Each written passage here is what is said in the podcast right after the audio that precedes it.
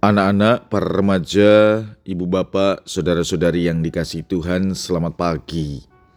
Salam bahagia dan salam seroja untuk kita semua berkah dalam.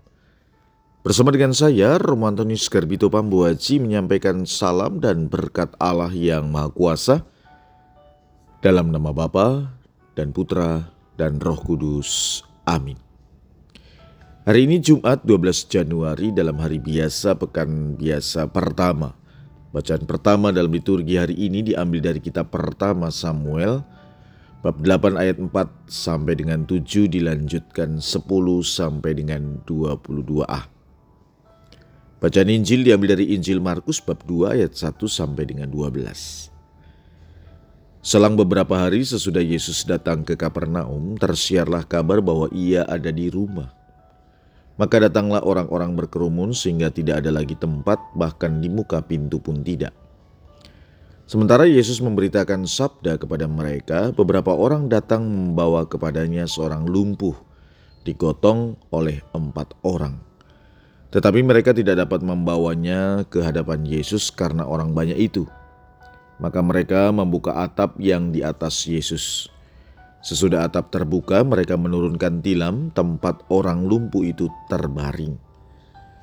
Melihat iman mereka, berkatalah Yesus kepada orang lumpuh itu, "Hai anakku, dosamu sudah diampuni." Tetapi di situ duduk juga beberapa ahli Taurat. Mereka berpikir dalam hati, "Mengapa orang ini berkata begitu?" Ia menghujat Allah.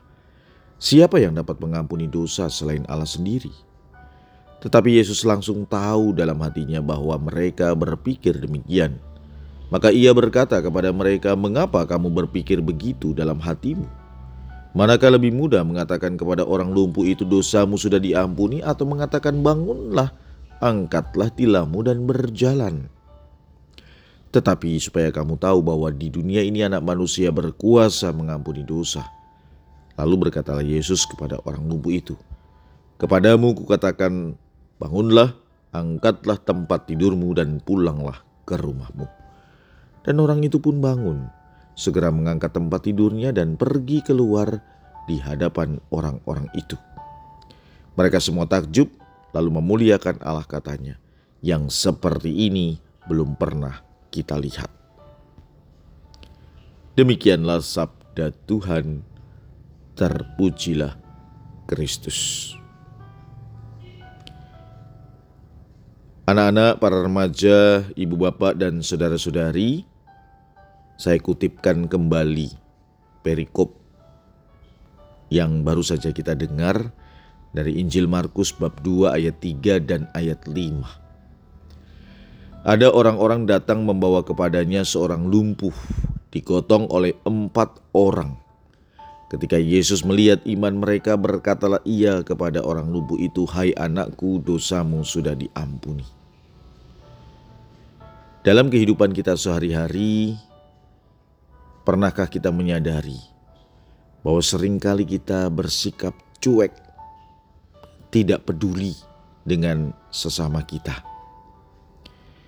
Apa pun alasannya, misalnya karena perkembangan teknologi, orang asik dengan dunia sendiri, sehingga membangun rasa kepedulian sering kali menjadi sulit.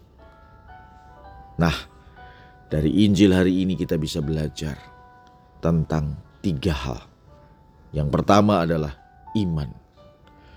Justru karena iman, orang-orang yang datang kepada Yesus membawa yang sakit akhirnya disembuhkan.